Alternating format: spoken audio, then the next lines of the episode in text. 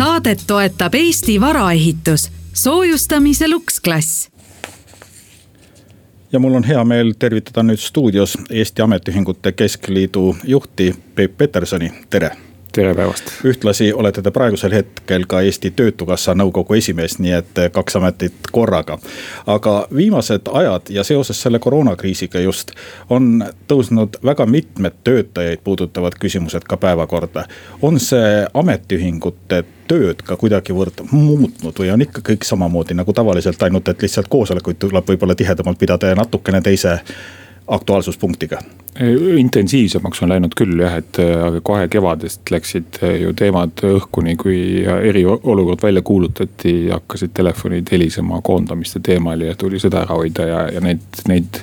Neid asju on jah tõusnud haiguspäevade teemad ja hästi intensiivne aeg on olnud, aga, aga on ka õnnestumisi olnud. mida nendeks õnnestumisteks lugeda?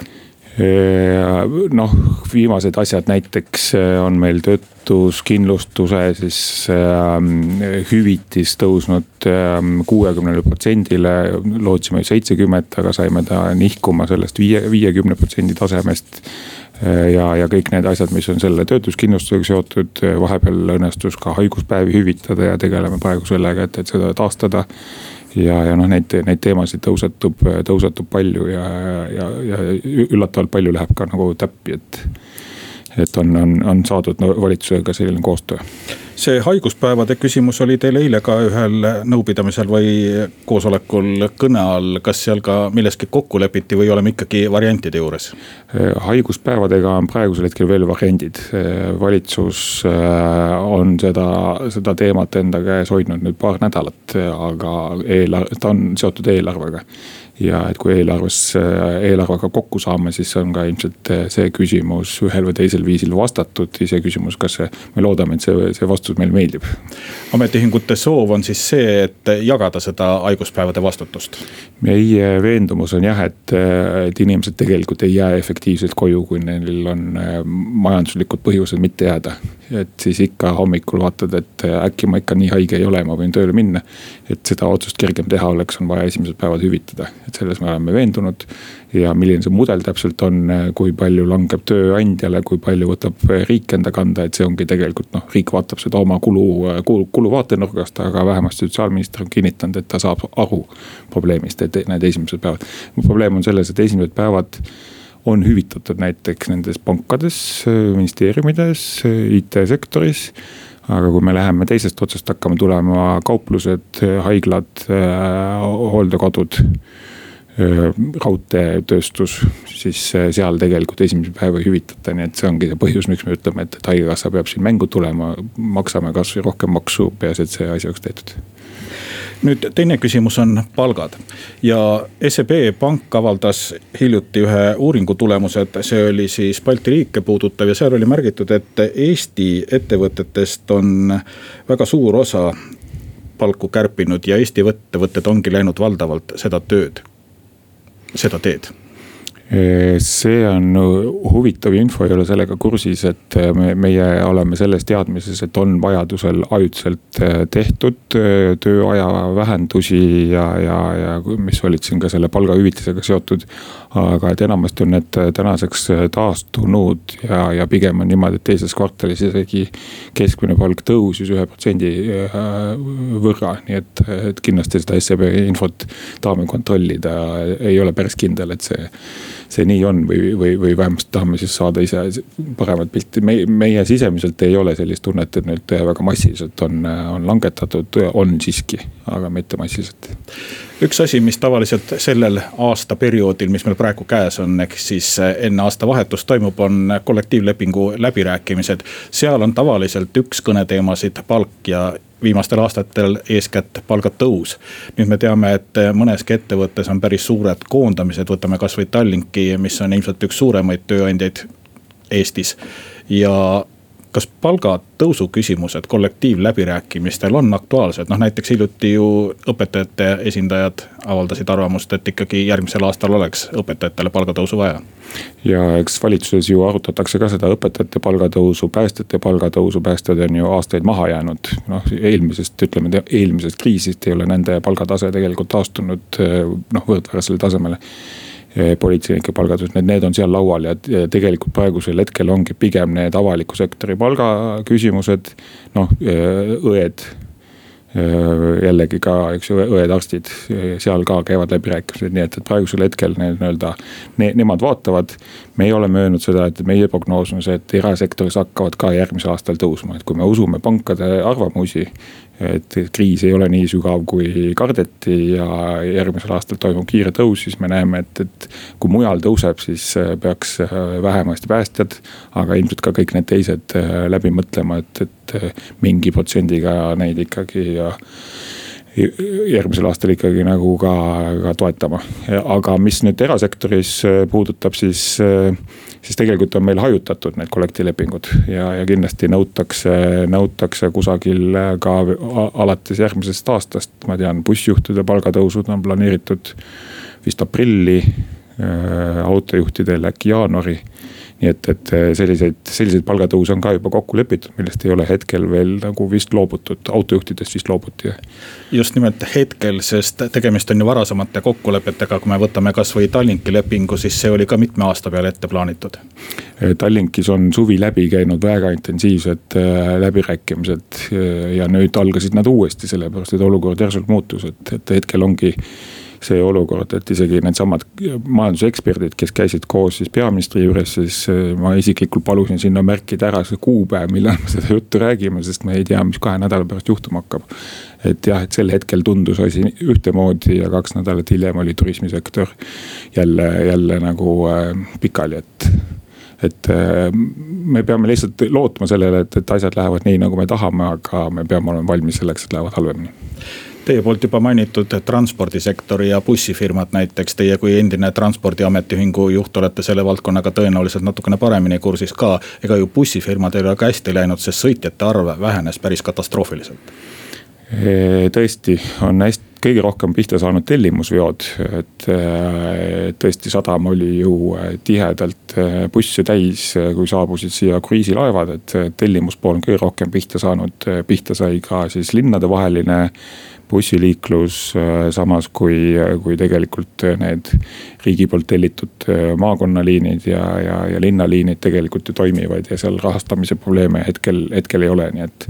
et kui bussi, bussifirmades see palgatõus toimub, siis, siis nad kindlasti ennem vaatavad üle, kuidas need, kuidas need tulud ja kulud on jagunenud ja ei saa välistada, et et võib-olla lükkavad natuke edasi seda tõusu või, või jah, et noh, kindlasti see läbirääkimised ju. või noh, kontakt on olemas ja, ja kindel on see, et töötajad ei ole kunagi huvitatud oma ettevõtte uppi ajamisest. missugused on signaalid või märgid tööstussektorist? tööstussektoris me tegime teisipäeval just selle ringi peale oma, oma nendes sektorites, kus me oleme esindatud ja tööstussektorist kõlab selline jutt, et et ta on sellises nii-öelda ootusärevuses, et, et mis saama hakkab. et me näeme, et mõned valdkonnad äh, tõusevad üllatuslikult, võtavad inimesi juurde, kasvavad. mingid on äh, juba oma koondamised teinud siin kevade, kevade poole või suve alguses ära ja, ja, ja, pigem on selline kerge ebakindlus, aga aga, aga pigem, pigem mitte allapoole, vaid pigem ülespoole Teie kontaktid partneritega, tööandjate esindajatega on kindlasti ka viimasel ajal üpriski tihedad ja vähemalt ühes asjas, kindlasti ka rohkemates asjades, aga milles te olete kokkuleppele jõudnud, on see, et järgmisel aastal alampalk külmutada. et ei ole ei palga langetamist, mis oleks ka teoreetiliselt võimalik, aga ka mitte tõstmist.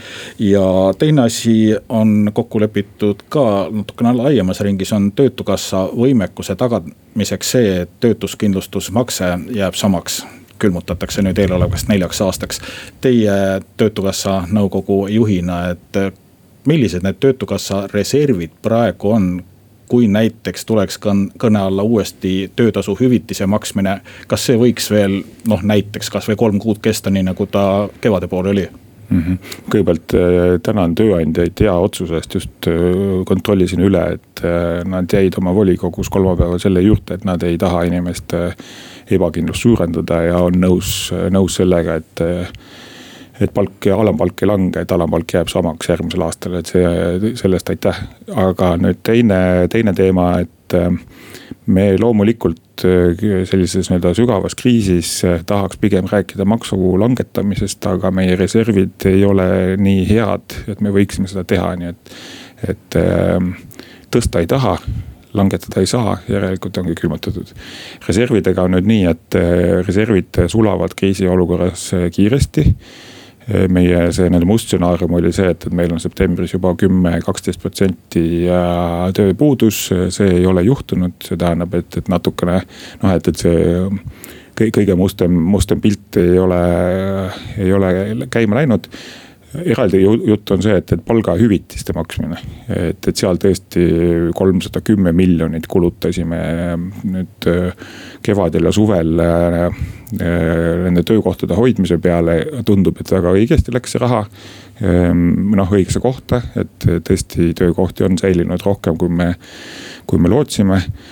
aga nüüd järgi on jäänud nelikümmend miljonit Eh, mida me ei taha omakorda kõik ära kulutada, et, et vot eh, turismisektor, võtke kõik ja, ja siis vaatame edasi, mis teistega saab, et eh, see, see, see on ka põhjus, miks me oleme tööandjatega öelnud, et turismisektorit võiks kuni kahekümne viie miljoni ulatuses veel toetada, aga mitte selle mõttega, et kogu turismisektor alles hoida järgmised kaks aastat.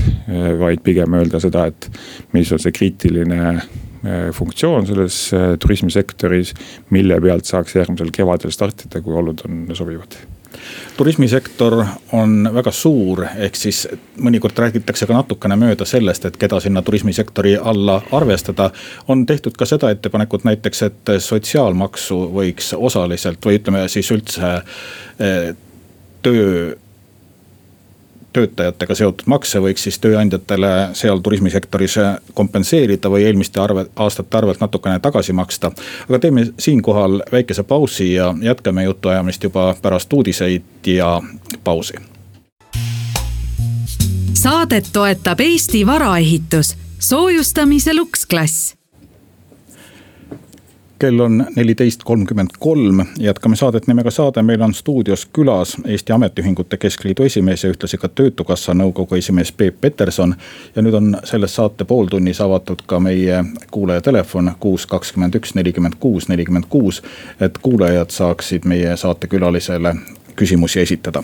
aga esialgu jätkan veel mina siit küsimustega jõudsime eelmise jutuajamise, mis oli siis enne pooltunni uudiseid lõpul tööjõumaksude juurde. selline ettepanek, et tööjõumakse võiks osaliselt näiteks turismisektori ettevõtjatele tagastada, on tulnud. mida teie sellest arvate? selles on see loogika, et abi saavad need, kes on süsteemi sisse maksnud, et just kevadel oli näha, et, et paljud, paljud firmad arvasid, et neid tuleb päästa ainult sellepärast, et nad on toredad Eesti ettevõtted, aga kui me vaatasime, palju nad maksnud, maksu on maksnud, siis nad tuhkagi noh, olid kõvasti kokku, kokku hoidnud ja jäetud maksud maksmata, siis et see, siin on see loogika olemas, aga, aga me oleme ise kaalunud, et see raha tagasi lihtsalt või, või lihtsalt raha liikumine ilma töökohti säilitamata ei tundu meile nagu võib-olla kõige õigem äh, viis ja seetõttu me oleme jah.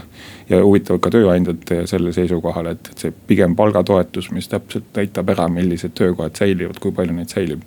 et see tundub olevat nagu sihipärasem ja, ja võib-olla ka töötajad, töötajaid rohkem arvestav nii et äh, kui me räägime sellest tööjõumaksude tagastamisest, siis eelnevalt jah, loomulikult peaks olema maksud makstud, aga kui makse makstud ei ole, siis ei saagi toetada neid ettevõtteid. ja ma ei taha seda öelda, et nüüd teatud grupp ettevõtteid maksabki makse pahasti, aga paraku need saavad makstega, maksega vähem maksta, kellel juba raskused on see on ka tõsi jah, jah, aga jah, küsimus on ka see, et, et mida me täpsemalt toetame ja kui, kui meie tegelikult huvi on see, et, et me, meil ikkagi tööhõive säiliks siis võib-olla selle tööhõivega asja sidumine või nende maksete sidumine on võib-olla õigem kui, kui lihtsalt raha liigutamine.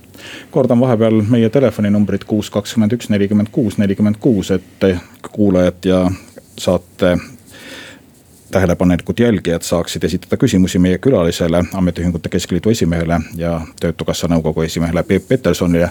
aga lähen siit küsimustega edasi. Needsamad ettepanekud, mis puudutaks siis majanduse arengut või sellest kriisist väljatulekut, teie olite üks valitsuse majandusarengu komisjoni ekspertnõukogu liige. Need ettepanekud on nüüd esitatud valitsusele ja komisjonile. milline on olnud tagasiside? Ehm, tagasiside tuleb ehm, ministeeriumi tasandilt ja erinevates ministeeriumides paistab, et väga tähtajast kinni pidades üritatakse ministeeriumides neid, neid põhimõtteid ellu viia. ja, ja tõesti hästi erinevatest kohtadest tuleb see sõnum ja, ja näiteks seesama lausekatke seal, et äh, töösuhetesse tuleb luua lisapaindlikkus, siis, siis me oleme ka ise selle, sellega hõivatud, et, et, et leida see võimalus äh, mõnes sektoriski mingisugust paindlikkust luua ja seda samal ajal tasakaalustades töötajate jaoks. Et äh, ja, ja siin on tunda survet, et need asjad, mis, mis sellesse kahe-kolmeleheküljelisse dokumenti sisse läksid, et neid asju tegelikult ka jälg-, järgitakse, noh eelarvet ei kärbita näiteks noh, üks, üks suur põhimõte ja, ja tundub, et see, seda paberit tasub uuesti lugeda ja aru saada, mida valitsus teeb no ma võib-olla liialdan natukene ja utreerin, aga see paindlikkus tööandja koha pealt äh, võiks tähendada ka seda, et täna maksan palka, homme ei maksa, täna kutsun sind tööle, homme ei kutsu. kuidas ametiühing asja näeb, mis see paindlikkus võiks olla? Selle paindlikkusega tegelikult natuke, natuke ongi need riskid, miks see asi nii hõlpsalt ei ole läinud, et, et kui inimese noh, et kes, kes ei tahaks või noh, kes suudaks oma peret, peret või elamist majandada viisil, et. et sa ei tea, kas sul näiteks kakskümmend protsenti palgast laekub või ei laeku. ja, aga see on osaliselt selle nii-öelda paindlikkuse äh, taga peidus ja, ja siin me oleme siis mõelnud, et kuidas millistes oludes, kuidas tagada siiski, et inimesed saaksid piisavalt, piisavalt nagu mingisuguse põhja alla ja, ja kuidas nad sellest olukorrast pärast jälle välja saavad, kui ka see nii-öelda muutuvtunnileping näiteks neile tuleb. nii et äh, ametiühingute strateegia praegusel hetkel on pidada läbirääkimisi sektorites konkreetselt juba nendel asjaoludel, nagu seal sektoris olukord on. ja, ja vaadata, mida siis töötajatele vastu saab selle eest, et võib-olla mingi protsent töötajaid hakkavad töötama natuke ebakindlama lepinguga. ehk siis sektoripõhiselt, aga mitte seadusemuudatusega ehm, Neid asju teisiti ei saa teha kui seadusemuudatusega, aga, aga pigem jah, et, et kõigepealt lepivad sektorid omavahel kokku, näiteks Kaupmeeste Liit ja, ja kaubandustöötajad ja siis see jõuab riigikokku, et mitte enne, et ei lähe kõigile ühtemoodi. noh, näiteks meil infotehnoloogid küsivad võimalust valveaja kehtestamiseks viisil, et, et pool inimese elust või noh, kõikidest elatud tundidest oleks tööandja kontrolli all. et äh, saame aru, et serverite haldamisel võib sellist nii-öelda vajadust äh, olla aga, aga kui see hakkab nüüd nagu massiliselt levima igale poole, et siis see ju ei oleks hea mõte, et, et jällegi me teeme ettepaneku tööandjatega läbi rääkida, kui me saame mingisuguse mõistliku tasakaalu, siis sellega juba minna riigikokku ja teha see seadusemuudatus, mis vaja. kas selline vastupidine variant võiks ka kõne all olla, et töötaja näiteks ütleb, et äh, ma kaheksakümmend protsenti oma ajast võib-olla tahaksin sinu juures töötada, aga kakskümmend protsenti ma valin ise, kus ma töötan tegelikult on eh, jah, tihtipeale öeldakse selle paindlikkuse kohta, aga töötajad ise tahavad. me oleme siis küsinud üle täpsemalt, et mida meie töötajad tahavad, esiteks nad ütlevad, et tänased eh, töösuhted nende arvates on piisavalt paindlikud. aga kui midagi juurde tahta, siis näiteks tervisepäevi, haiguspäevade hüvitamist, noh, ühesõnaga mingisugused noh, enamasti töötajad tahavad turvalisust või siis sellist paindlikkust, mida võib-olla tööandja jälle pakkuda ei saa, et.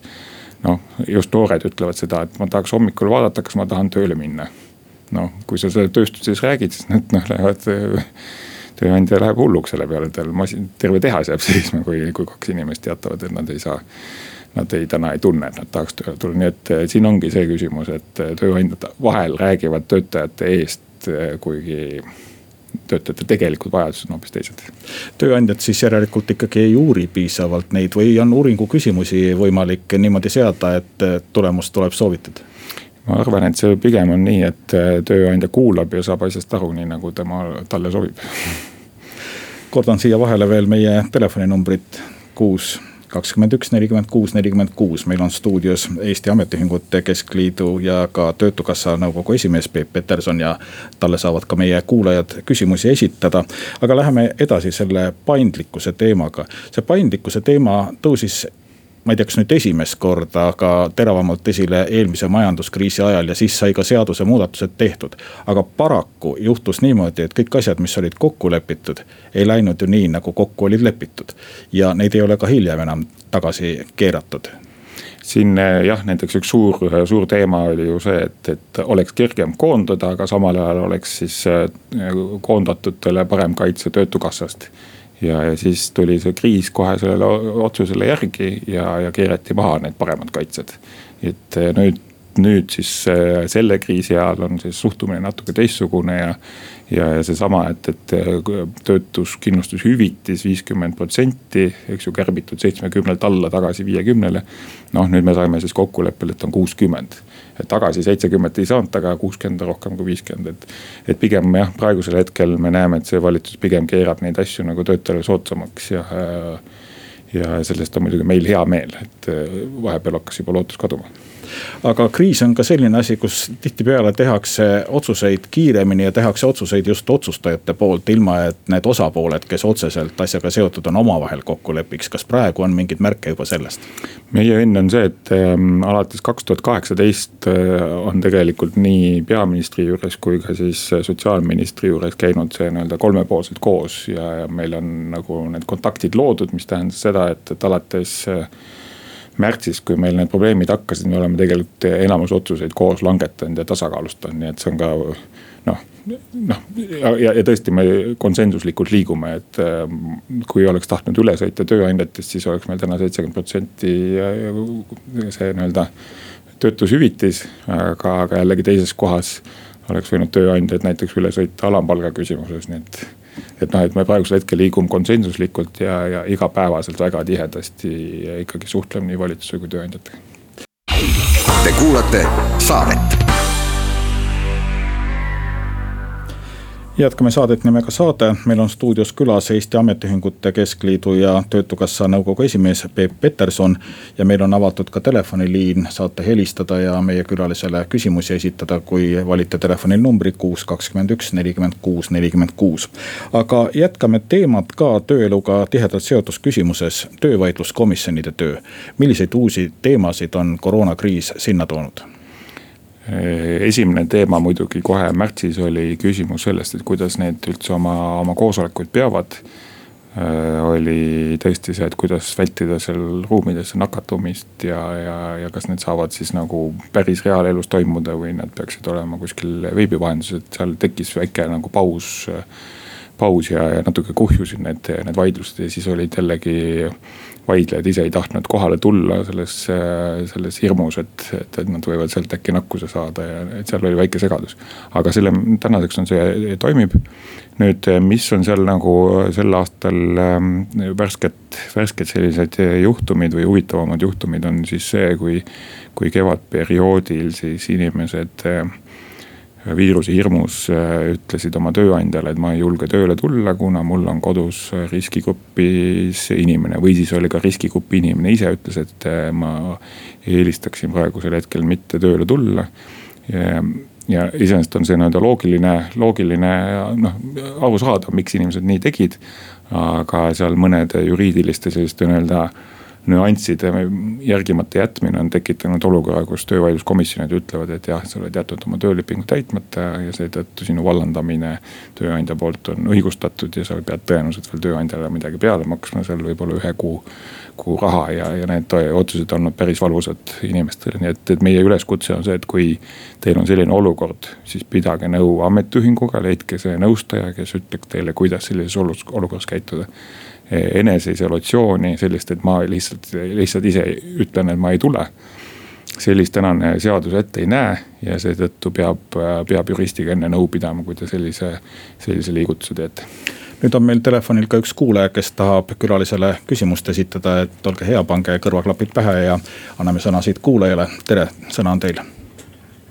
tervist äh,, alustaks sealt, et tänane uudis, et äh, alkoholimüük kella kahekümne neljast nullist järgmine nädala reedest kuu aega nii-öelda peatatakse, eks ole. Äh, Tanel Kiik äh, enda intervjuus äh, väitis küll, et nii-öelda, et tahetakse vähendada eraalgatuslikke pidusid, aga see kindlasti ei vähene. Tegelikult küsimus on see, kas teie poolt on oodata samme, et valitsuse poole pöörduda, et need tuhanded töötajad ja paljud ettevõtted, kes satuvad nüüd raskustesse Eh, et mingi töötukassa meede välja töötada. ma saan, ma saan äh, tervishoiuministrist täiesti aru, et tööklubid, kus inimesed on ninapidi koos, jah, see on üks asi, aga väga palju on toitlustusasutusi äh, ja baare, kus inimesed on hajutatud, hoitakse vahesid, äh, et väga valusalt lööb see asi. kas on plaanis minna koalitsiooni poole töötukassa meetme väljatöötamiseks? aitäh siin on vastata, vastata lihtne, et seesama turismisektori toetusplaan tegelikult ju haarab ka restorane, see on hotellid, restoranid Äh, rahvusvaheline reisiliiklus äh, ja, ja võib-olla veel mõned sellised külgnevad, külgnevad alad ja, ja meil tegelikult see algatus on juba tehtud, et seda palgatoetust. Äh, palgatoetust nendele maksta kas midagi veel sinna otsa, et seda räägib, noh, on räägitud sellest, et jagada vautšereid, et inimesed läheksid, tuleksid Tallinnasse restorani. noh, me ei oska öelda täpselt, mis sealt valitsusest välja tuleb, see on üks pool. teine pool on see, et et kui need ähm, äh, lood siin algasid suvel augustis ja, ja võib-olla juuli lõpus. et, äh, et inimesed käivad, eks ju, baarist baari ja, ja nakatavad üksteist, iseenesest noored inimesed ja, ja keegi. noh, tõenäoliselt selle, selle tagajärjel veel ei surnud. loodame, et see saadakse ennem pidama, kui see nii-öelda surmalaine ka järgi tuleb aga mis on probleem, on see, et nii kui need numbrid üles läksid, lõppes meil ühendus äh, efektiivne ühendus Soomega ja, ja, ja Lätiga ja, ja praegusel hetkel me räägime tuhandete inimeste koondamisest just seetõttu, et me oleme lasknud need koroonanumbrid ülesse. nii et, et minu soovitus valitsusele ja ütlesin seda ka Tanel Kiigele eelmisel, eelmisel nädalal on see, et olla natukene rangem kasvõi seesama asi, et, kuidas me nendes restoranides käitume Saksamaal on loogiline, et inimesed tulevad maskides, nad istuvad üksteisest kahe meetri kaugusel ja, ja need reeglid tunduvalt, tunduvalt karmimad. ja, ja tänu sellele suudetakse ka võib-olla hoida no, selle numbrid all ja, ja majandus avatuna, nii et minu julgustumine valitsuse suunas on see, et olge karmid, aga, aga õiglased ja, ja selleks, et majandus säiliks kui nüüd sellest maskist rääkida, mis ei ole üldse mitte ametiühingu teema, aga siis mina ütleks siin, et äh, toitlustusasutuses maskiga süüa või juua on suhteliselt võimatu. ehk siis siit tuleb küsimus hoopiski selle maski kandmise otstarbekusest. aga see on teine teema ja see ei puuduta otseselt nüüd ametiühingute tegevusvaldkonda. ta nii palju äh, puudutab, et meie nagu palve, ma saan aru, et riigil ei ole praegu ressurssi, et kõik asjad äh, kukuvad korraga kaela oleks olnud see, et tegelikult anda sektoritele selgemad juhised. ja, ja tõesti selles on loogikat, et kuni sa liigud restoranis lauast lauda, on sul mask ees, siis sa istud maha. ja sa võtad maski eest ära, sööd ära, paned taga, maski pähe tagasi jälle, siis ühesõnaga, et need võimalused võimalus, et eh, nakatumiseks vähendada, et noh, et selliseid juhiseid on tegelikult igal pool vaja, on vaja tehastes, on vaja koolides. ja, ja mulle tundub, et inimesed natuke on nagu nõutud, tahaksid kellegi, kelle, kedagi uskuda, aga. aga, aga neid, neid nagu noh, ei tule kusagilt kas see, et nüüd alkoholimüüki teatud kellaaegadega piirati, võib teie hinnangul, sest tulemusi me veel ei tea, tööandjatele raskusi tekitada? On äh, usutav, et äh, teatud osa käibest, mida tööandjad lootsid äh, võib ära langeda, mis tähendab seda, et see võib olla mõnele ettevõttele ka kriitiline. noh, see nii-öelda praegu ju toimub siiski see haavade lakkumise aeg kevadest. ja, ja kui tulu peale ei tule, siis võib see haavade lakkumine lõppeda ikkagi fataalselt, nii et. et kindlasti kellelegi on see nagu elu küsimus, aga, aga laias laastus või majandusel tervikuna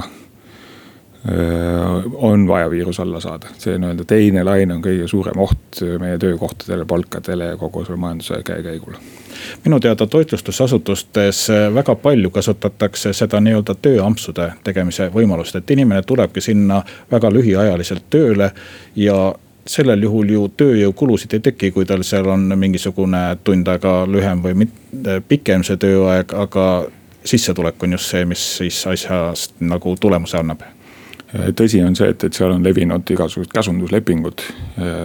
kevadel oli siis võimalus äh, ka ümber otsustada, et ei, see ikkagi ei ole käsundusleping, mis meie vahel on, vaid see on tööleping, kui sa tahtsid saada palgahüvitist.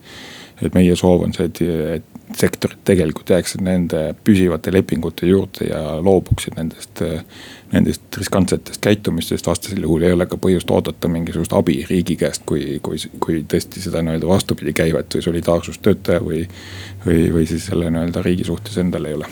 Aga nüüd ma palun teil jälle klapid pähe panna, sellepärast et meil on järgmine küsija, kes tahab oma küsimust esitada ja anname talle sõna, tere tere, ma mõtlen, et, et kas äkki annaks seda asja kuidagi reguleerida, et mõnedes noh, ma mõtlen võib-olla isegi paljudes nendes noh, söögikohtades ja baarides on kord väga hea.